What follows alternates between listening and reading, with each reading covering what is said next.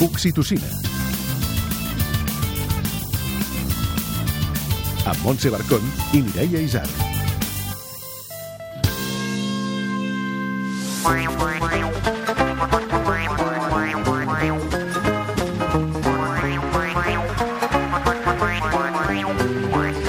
La pipa. Ai, la pipa. O el xumet, que bé que va en algunes ocasions per calmar les criatures, però que addictiva que és. Però cal oferir-ne als nens? Quan?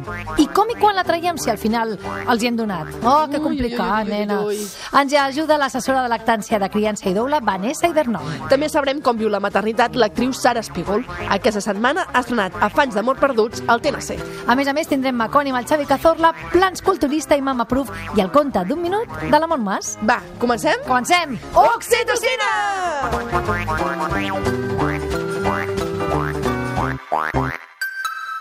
Tu, tots, tothom.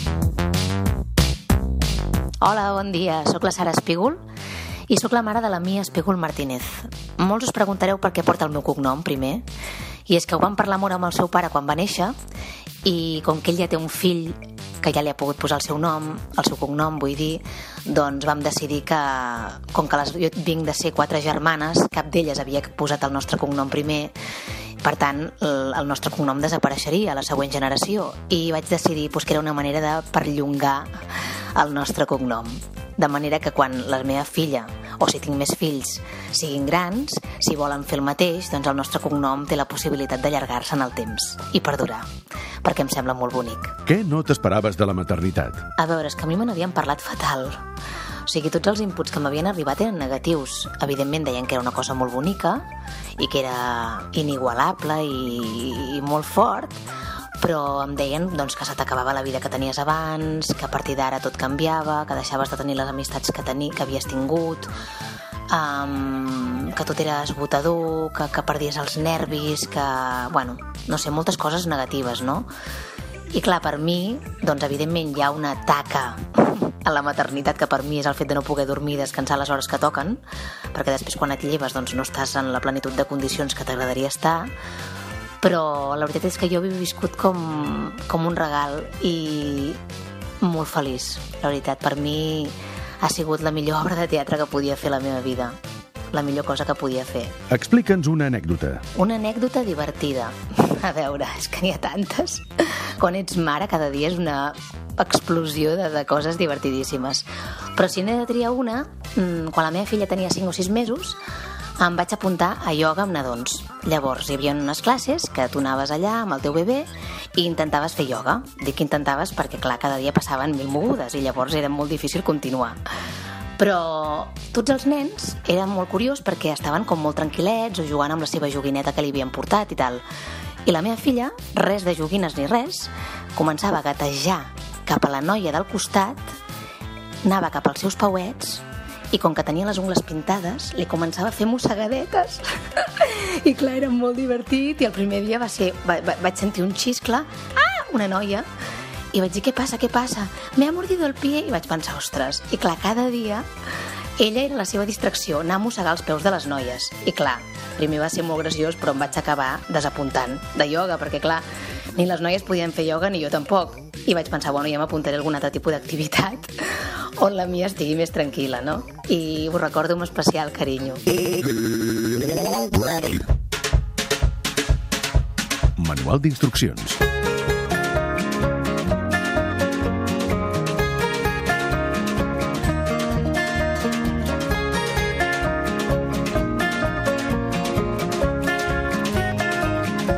Avui parlarem d'una de les eines de supervivència de la criança, que, com moltes altres coses, té els seus detractors. Però, oh, que bé que va el xumet en moments de desesperació doncs absoluta. Sí, doncs sí, a casa li diem pipa per això. Mira, Mira, jo pipa, el xumet, no sé. xumet. Però bé, tot és el mateix, no? I el tant. que passa que sí que és segur que no és recomanable allargar. Això està clar. Eh? Aquí tothom hi està d'acord, Sí. però clar, com, quan... Uh, no patiu perquè tenim aquí l'assessora de lactància de criança i doula, Vanessa Ibernon, altrament coneguda com Mary Tettins. això, és, això és collita pròpia, eh? és, és el meu bateig. Vanessa, benvinguda de nou. Hola, bona, bona tarda.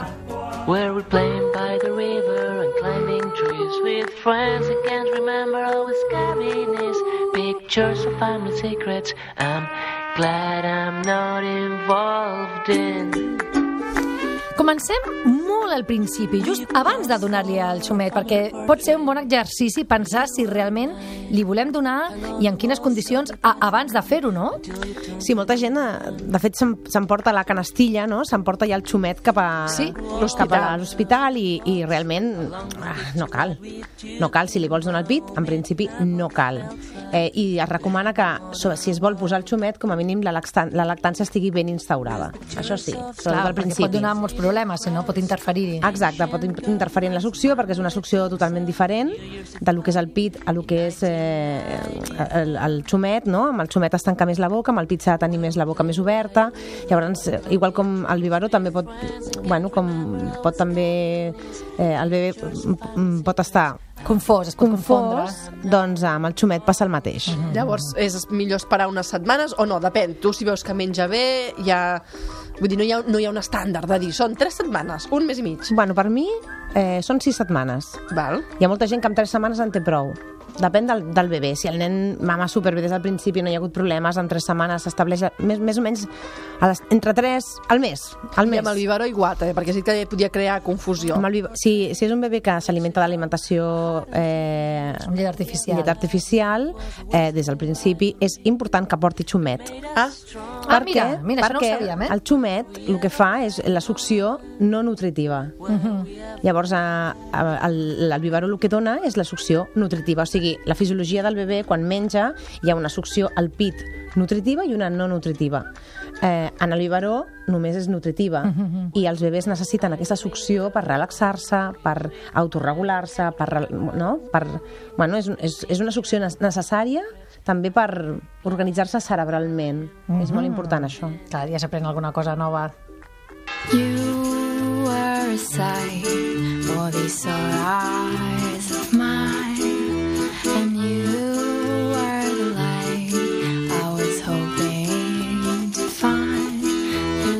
Hi ha molta gent que és contrària a donar el xumet als nadons, però hem de reconèixer que, que té els seus avantatges. El repassem, Vanessa? Vinga, Quins, quins podrien ser? A veure, un avantatge és que amb un xumet és transportable, no? No cal que estigui la mare, així com el pit pues, està la mare, doncs eh, la mare, si hi ha un xumet, doncs el pot dormir qualsevol altra persona que no sigui el pit, no? És important aquest, eh? Sí, bueno, clar, aquest és el que més, més vicia, no? Perquè la mare l'allibera una mica de... El cotxe, per exemple, que també és una cosa que també agòbia molt, eh, bueno, en moments... Eh, Quan plor desenfrenadament, no? Sí, pot, pot alleujar si la mare no hi és.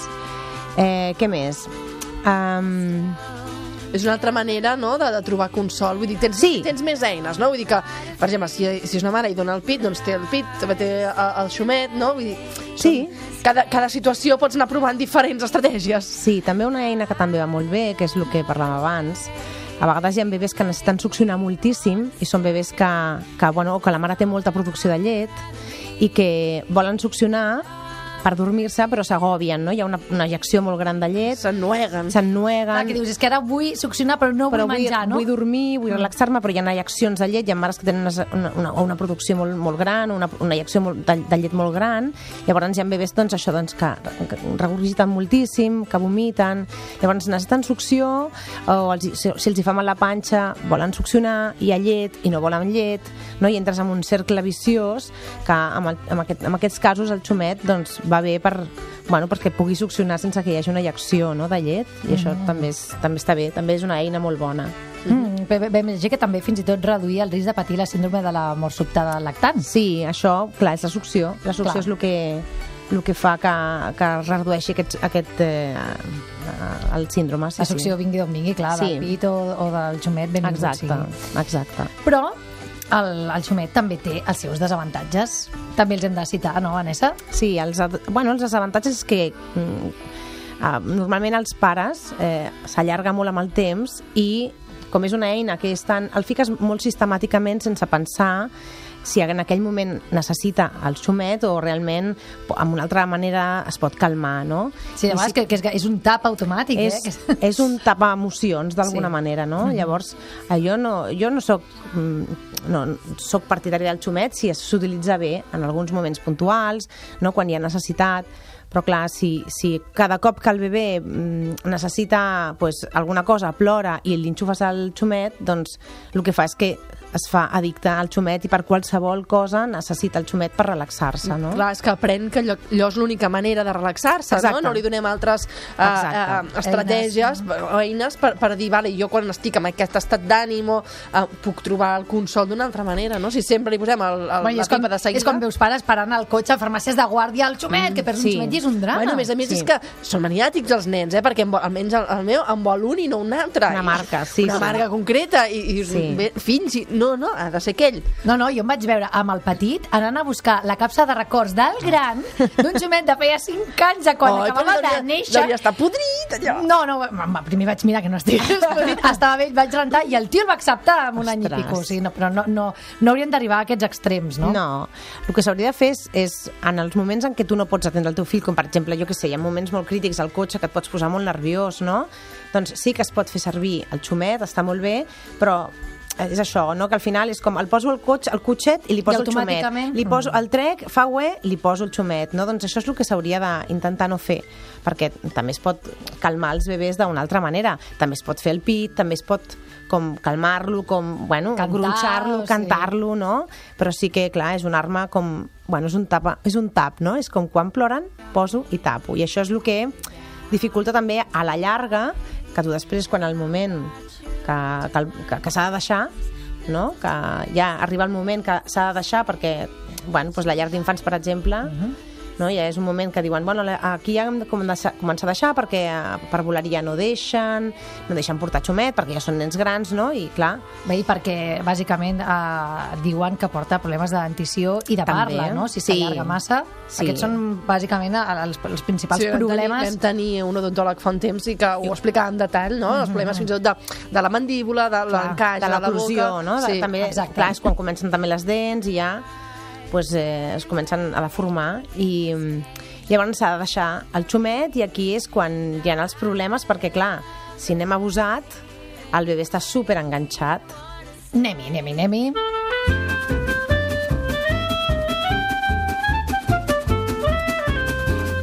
Par précaution, on a beau mettre des croisillons à nos fenêtres, passer au bleu nos devantures et jusqu'au pneu. I mm, els especialistes no s'acaben de posar d'acord en l'edat en què s'ha de deixar ja odontopediatres que diuen els 8 mesos, altres l'any, però tothom està d'acord en no allargar-ho més enllà dels dos anys. Tu què en penses?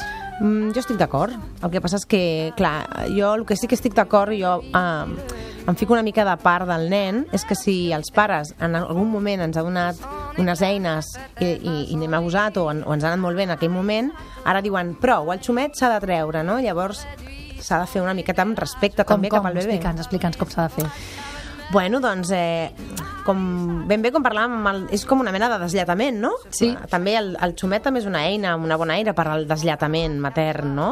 També pot servir molt bé. Doncs també és, és un desxutament. Desxutament, seran ben bé addictes no? amb aquestes Clar, paraules. llavors s'ha d'anar com, com traient també doncs, amb respecte, no? amb, amb calma, doncs a vegades també és com va, te'l te deixo un rato, eh, comptem fins a 10, després el traiem, no? i anar rebaixant O posar-lo només per dormir. o posar-lo només per dormir, depèn, depèn de, de, de, lo que, de les necessitats Clar. de cada bebè, no? Però sí que, bueno, doncs anar, anar rebaixant i anar com explicant.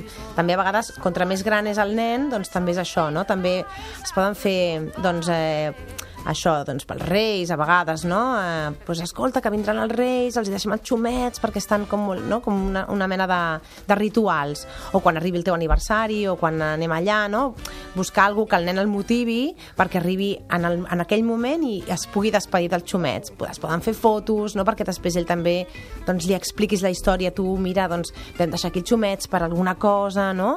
I si és més gran, doncs ho pot arribar a entendre. I ha si una... no, Digues, digues. no, doncs, i, i, i si és més petit, doncs, en algun moment hauràs de sostenir pues, el plor, perquè el que necessita el bebè és aprendre a relaxar-se d'una altra manera. Bàsicament és això. Clar, segur que tindràs dos o tres dies dolents. Clar, home, Segur. clar. Però fins i tot si són grans i els has anat explicant, no? Bueno, és que han de fer un dol. Clar, i a més a més, si són grans, i, és a dir, dos anys, dos anys i alguna a més a més parlen i t'ho demanaran Clar. clarament què volen, I no? tant, i el meu xumet, vull el xumet, necessito el xumet, tinc ganes de dormir, no puc.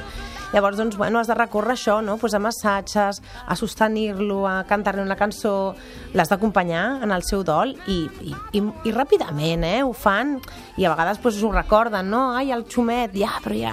Però, Però que ja bé que ja t'has fet gran, eh? passat. Que sí. estem contents que t'has fet gran. Sí, no? sí. Posar-los una mica... Soc, soc gran i una mica petit, diu, Sí, no? sí. Segons Clar, quan. no? Clar. Abans que deies això de, del ritual o així, eh, hi ha una botiga de Barcelona que es Ah, diu Aupalí, Aupalí, sí. a- al barri de Sarrià, que tenen la cova dels xumets en És un pati bonic. interior que tenen molt bonic, Sí. i allà, si els nens volen, els nens i nenes poden anar, deixar el xumet, el deixen penjat a la cova dels xumets, que hi ha uns Hi ha nans, molts, a més. que, uns nins que, que cuiden els xumets, i crec que et donen fins i tot com un record, Vull dir, i segur que n'hi ha més de llocs que fan això, jo conec aquest i per això és el que explico, però que... Vaig llegir també que una idea molt bonica que era eh, lligar-lo a un globus pum, Oh, que i deixar-lo volar. És molt xulo, això. Eh, és, és bonic, la, Sí, la sí, imatge. és també. imaginació el poder. Vull dir, al final és veure què és el que li enganxa a ell, al nen, i a partir d'aquí doncs, doncs fer un ritual que... Però això, el fi, és, és a dir, l'últim gest de deixar-lo és després de tot aquest procés que deies, Clar. pausat, a poc a poc, no, després de fins i tot uns mesos, potser, d'anar reduint, Sí, reduint, clar. i l'última passeta, Ja. dir, vinga, va, valent o Sí. valenta. No tinguem pressa, no tinguem pressa. No, no s'ha no d'anar amb pressa. Per mi és, és, és fer-ho respectuosament i, i anar pues, bueno, pues, pues sostenint, no? Deixar, deixar de- d'utilitzar el xumet en els moments que és més fàcil per ell i el que és més difícil deixar-ho pel final perquè al final fas com el salto mortal ja hacia una altra nova etapa, no?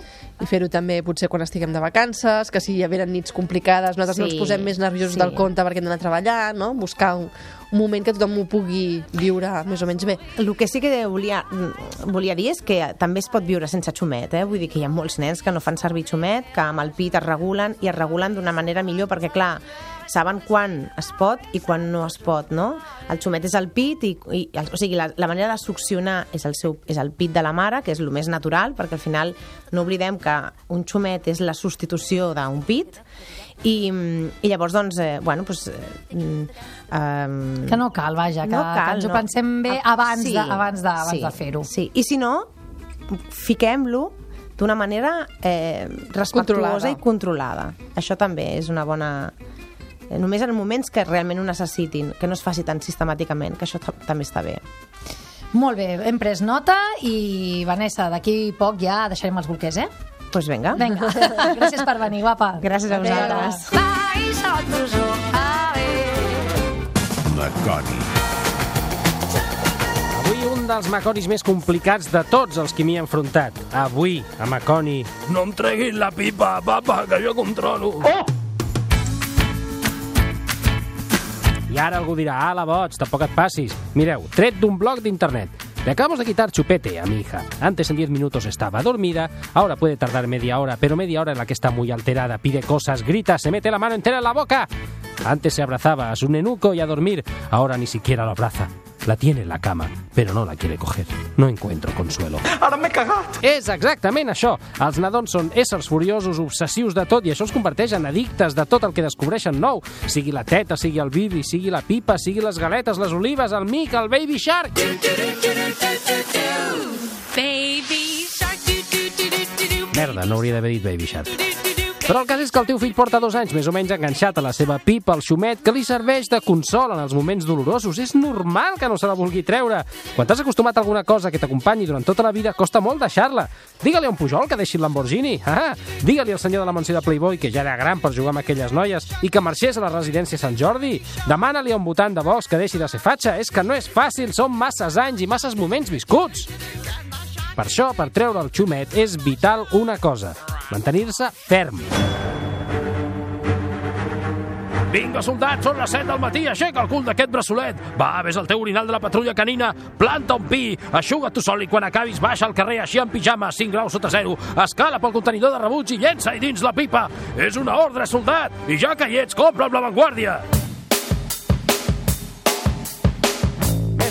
Bé, potser la part de l'avantguàrdia no cal, però el més important, com tot, és que el primer plor no vagis corrent a comprar una pipa nova, eh? Sisplau. Que sí, que fa pena, que sí, que pobrets s'ho deuen passar molt malament, però pitjor ho passarà quan arribi a la universitat i encara porti pipa, sisplau. Fora!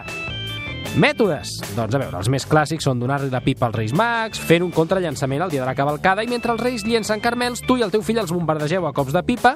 També hi ha qui li deixa el xumet al tió, que com s'ho menja tot, doncs cola.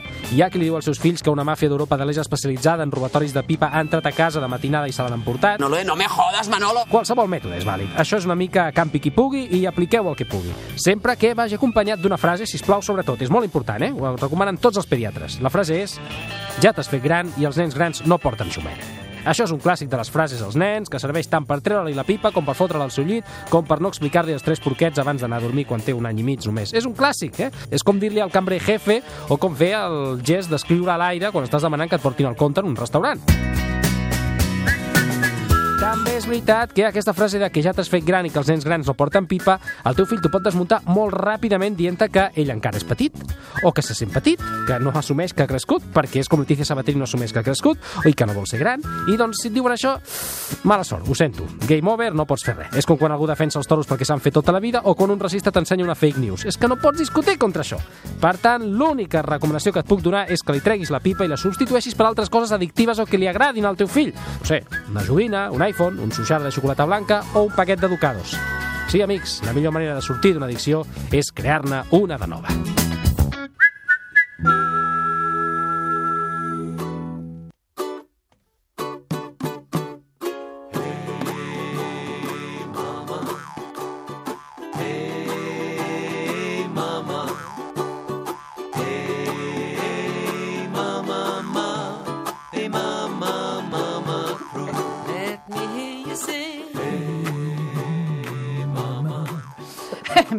Eh? Sí, gairebé, gairebé no se't sent. Això vol dir que tenim aquí l'Alba Arnau de Mama Proof. Alba, com estàs? Molt bé, molt bé, molt bé. Ens portes cosetes per fer? I tant, Què, i tant. què, què, què? Cosetes per fer amb les mans. Oh! Ah, molt bé.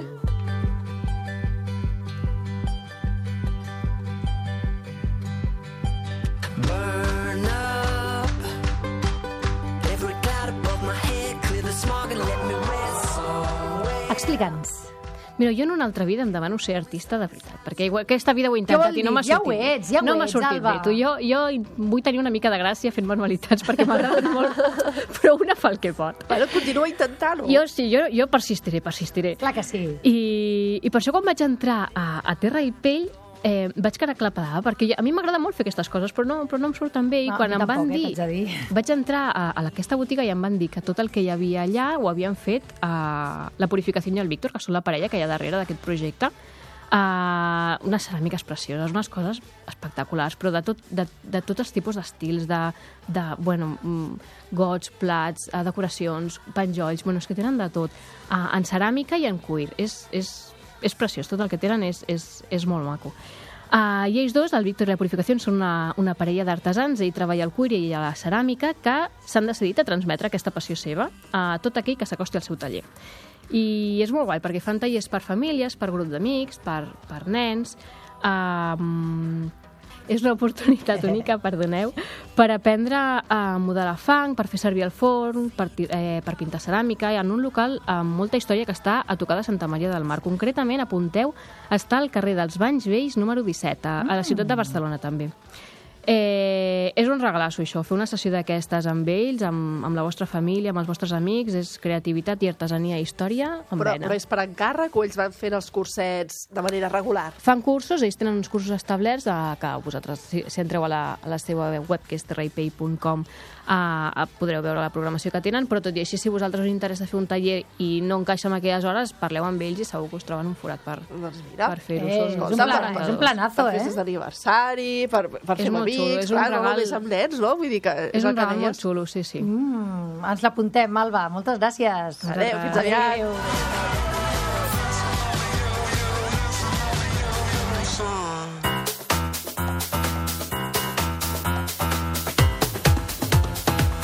El culturista.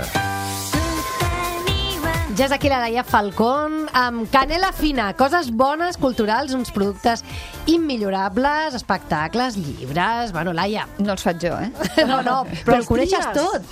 És que poca broma, eh? Molt ben seleccionats. Què ens portes avui? Avui porto un disc llibre o, llibres, o llibre disc sí? publicat per Andana eh, amb 11 cançons de bressol. Ai, mira, que ens sentirem una. Que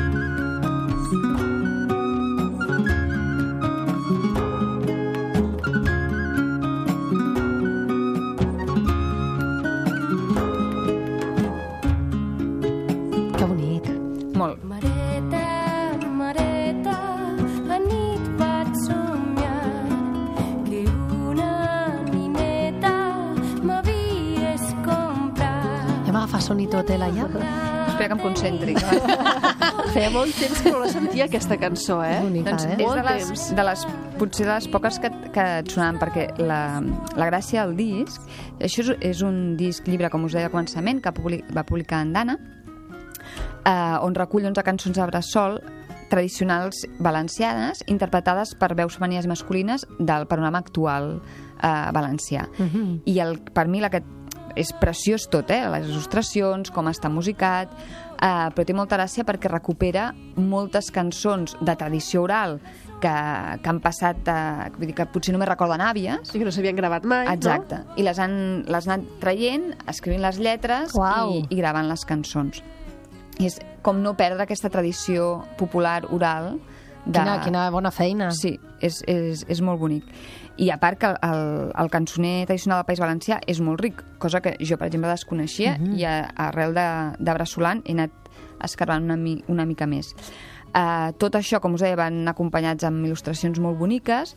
El, els intèrprets són de luxe, eh, els que coneixeu una mica el panorama valencià, hi ha la Mar Aranda, l'Eva Dènia, el Miquel Gip, el Pep Jimeno, i a part, a tot això va acompanyat d'una introducció eh, sobre el gènere per, que està escrita per un expert en camp popular que es diu Josep Vicent. Mhm. I a part de tot això... Home, Déu-n'hi-do, ja, eh? Sí. El, els nounats valencians tenen aquest producte gratuït. Tenen Oh, aquest, quin detall. La, això és una campanya que va fer la Diputació Valenciana i de la capseta dels, dels nounats per donar la benvinguda. Ara m'he emocionat. Eh, Mira, sí. Anava amb aquest disc llibre tan bonic. Ai, en sentim un altre. No ni no ni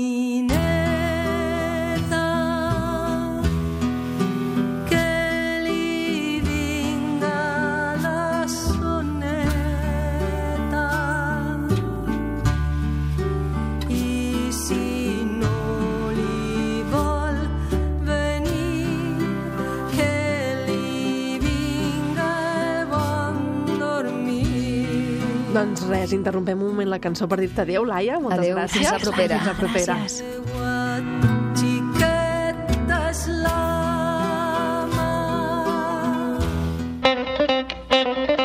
Contes d'un minut. Aquesta nit, abans d'anar a dormir, la Mariona sentirà un del mosquit. Obrirà el llum i començarà a mirar per tot arreu. Al cel de l'habitació, a l'òrbita de la bombeta, al soterrani del llit, al laberint que fan els llençols. I no el veurà pas, no. Semblarà que hagués fugit, però no, no. La Mariona els coneix bé i sap que els mosquits són molt, però que molt espavilats. I no es deixen veure fàcilment. Així doncs, segurament deu estar amagat sota el llum tancat. Llavors, la Mariona s'aixecarà, es posarà l'abric d'esquimal i se n'anirà a fer nonon a la nevera. Joan Faldilles i Armand, cançó de bressol per a un huracà i altres contes dormilegues.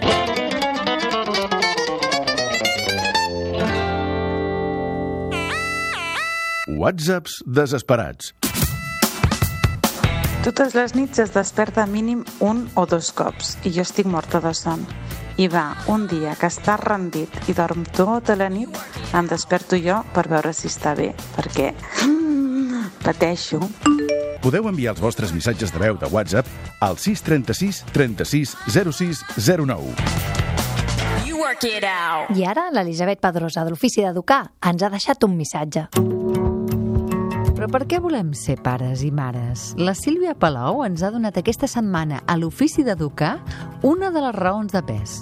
Tenir fills és la versió més pura de l'amor incondicional. Aquesta sensació de, de ser mare és com donar sense esperar res a canvi. Aquesta vivència no es pot tenir en molts contextes de la vida, no? Els vincles que creen mares i pares i fills i filles és únic. Eh? Hagi anat després o vagi com vagi després les relacions, perquè seria important també com diferenciar el que és el vincle i la relació. No? El vincle és aquesta connexió tan profunda que tenim entre els pares i els fills i entre totes les persones que formem part d'un sistema i la relació pot ser que sigui més bona o més dolenta, però el vincle és aquesta part que no s'acaba mai no? i aquesta és una raó de pes profunda. Un consell per acabar. Algun consell? Buf, a veure, em sembla dificilíssim aconsellar quan em considero una inexperta, una mare inexperta i que vaig aprenent dia a dia, no? Però si hagués de dir alguna cosa, doncs mira, aquest estiu em vaig començar a llegir un llibre Bueno, dic començar a llegir perquè, evidentment, no me l'he acabat. si una cosa no tens quan tens fills, és temps. I, però, bueno, un llibre que es diu uh, Com escoltar perquè els teus fills et parlin i com parlar perquè els teus fills t'escoltin. I deia una cosa que em va remoure especialment, que és que escoltem poc els nostres fills i que moltes vegades ells entren amb rabietes i amb històries que tu, com que només veus les teves, els teus problemes, no? Doncs que moltes vegades costa molt com desencallar-los. I que quan ens passa això doncs que ens assentem al seu costat els escoltem, els mirem i intentem empatitzar amb ells. El fet de l'empatia, no tan important en l'educació. I que intentem entendre d'on prové, d'on li prové aquest sentiment que està tenint en aquest moment. I algunes vegades que ho he intentat doncs realment he sentit que, que se'm relaxava alguna a dintre no? i que conjuntament amb la meva filla doncs, podíem resoldre entre les dues el que estava passant en aquell moment i que totes dues en traiem alguna cosa, no? un aprenentatge.